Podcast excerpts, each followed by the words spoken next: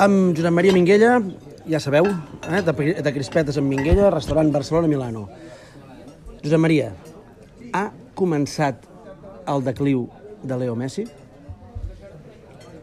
No, jo crec que no. Jo crec que el Leo... Eh, Està sent sincer, eh? sí, sí, sí, jo crec que el Leo encara pot donar eh, alguns anys d'excel·lent de, de, rendiment. El que passa és que el primer que té d'entendre la seva situació, la seva situació vull dir, eh, física i de, i, de, i de desenvolupament té de ser ell.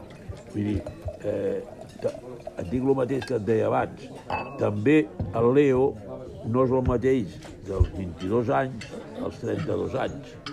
Llavors, eh, ja sé que no li agrada que el canvin, ja sé que vol jugar sempre, però eh, té d'entendre, o algú li té de fer entendre, que si juga tants minuts, arribarà un moment que no podrà jugar o no podrà triomfar com triomfava abans, perquè li faltarà aquesta punta de velocitat, aquest, a, aquesta estabilitat física i tot això, com a tots els altres, perquè, perquè ell és un, és un geni amb la pilota als peus, però per fer això tens de tenir un punt de velocitat perquè no te prenguin la pilota.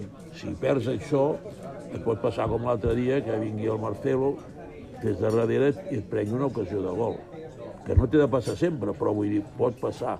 Llavors, eh, eh, arriba un moment que tens d'entendre, jo espero que, que ho entengui, que no pot jugar tots els partits 90 minuts. Que a més és un problema això per l'equip, perquè eh, ha sigut tan dependent, tan dependent el joc del Barça i el marcador de lo que fa el Leo, que llavors, i, bueno, i si no hi ha el Leo, què passarà? Bueno, ai, dir, ho solucionen els altres, si no hi ha el Leo. És dir, per un exemple, el dia de l'Eibar, 3 a 0, 3 gols. A l'Eibar, un grup d'amics que venien aquí, obligació, Mendilibar, tal, a l'atac, perfecte, 3 a 0. Els 10 minuts de la segona part, descans, passa res.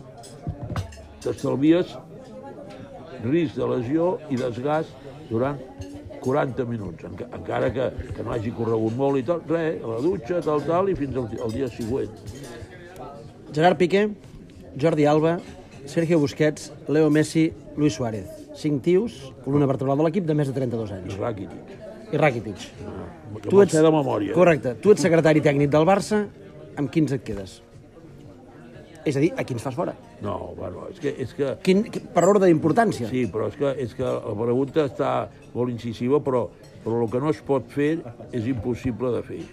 Què vull dir això? Aquests jugadors, tenint potser el Rakitic, tenen uns contractes inassumibles per qualsevol equip europeu o mundial. És a dir, tu ara dones la llibertat a un d'aquests, la llibertat i costa trobar un equip que pagui el que guanya un d'aquests jugadors nets al món. Costa. Per tant, és, és, és una... La resposta és igual el que digui jo. Fulano de tal, escolta, donem la llibertat. La llibertat, jo tinc 3 anys més de contracte, guanyant això assegurat, net, cobro cada mes o cada tres mesos i tal, i me'n tinc d'anar por ahí a buscar i tal. I qui pagarà una xifra com aquesta? Perquè un dels problemes que té que el Barça també s'hi ha posat els últims anys, és augmentar la massa salarial, perquè el problema no és amb un camarer, ja que estem en un restaurant, no és dit, no l'estàvem Sí, sí, sí. Dir-li, mira, tu guanyaràs tant al mes. El problema és que aquí hi ha 30 camarers. I llavors, si, si jo pujo de forma desaforada, desaforada vol dir fora de mercat a un, em vindran els altres 29 a dir-me tal, i llavors no podré pagar. I això, per això et dic que cap equip sensat pagaria el que guanya un d'aquests jugadors que has dit, no perquè el jugador no pugui guanyar-ho, sinó perquè això li, li, li, li remou el galliner de que els d'allà que estan guanyant doncs, no sé, la meitat o, o tres quartes parts d'això, li, li demanaran. Llavors aquell jugador aquest equip li sortirà, sortirà caríssim. Tu pensa que, que la plantilla del Barça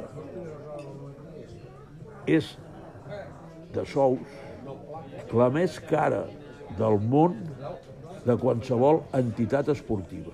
Ni Lakers de ni, futbol, ni, ni res. Lakers, ni, ni, ni bàsquet, ni, ni, ni el que vulgui, ni NFL, ni res. És la més cara del món. Per tant, què vol dir això? No és la millor del món, eh? la prova és que estem com estem, però vull dir, és la més cara. Això, això què vol dir? Que, que difícilment hi haurà algú que entrarà en aquesta dinàmica d'inflació dels contractes, perquè en futbol, tant la contractació d'un jugador, comprar els drets, com el contracte del jugador, eh, és, és de comú acord.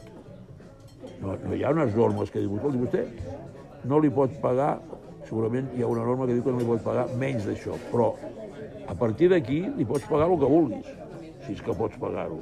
Llavors, clar, si no fas una contenció del gasto, el que li dones a un, amb un vestidor que se sap tot, li tens de donar a, a 20. Entens? I això és una cosa que moltes vegades els directius, eh, no dic els del Barça, en general, no es donen compte.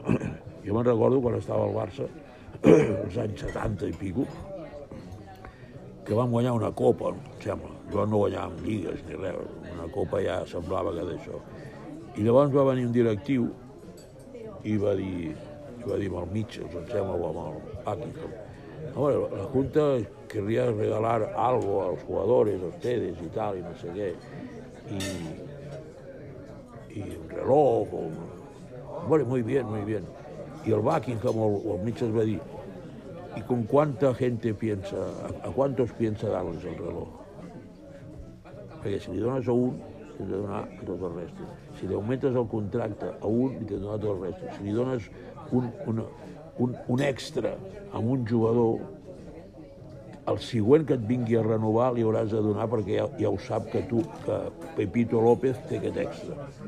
Llavors això, si no es va amb molta cura, entres en aquesta situació de que el Barça té la plantilla més cara del món de qualsevol entitat deportiva. Passem dels eh, veteranos als joves. Sí. Tu coneixes millor que gairebé tothom Ansu Fati. L'heu tingut per casa, com qui Sí, diu. sí, no, bueno, no, com qui diu no. Bé, l'heu tingut a casa. Sí. I ara el té el Messi a casa, per entendre'ns. Uh, quin és el paper que li veus a Ansu Fati al futur del Barça? Bueno, l'Anso és un jugador que, que, que ha caigut bé, però que lògicament està patint les, les, els problemes de l'equip. Vull dir, eh, tothom està parlant de l'Anso Fati no juga mai.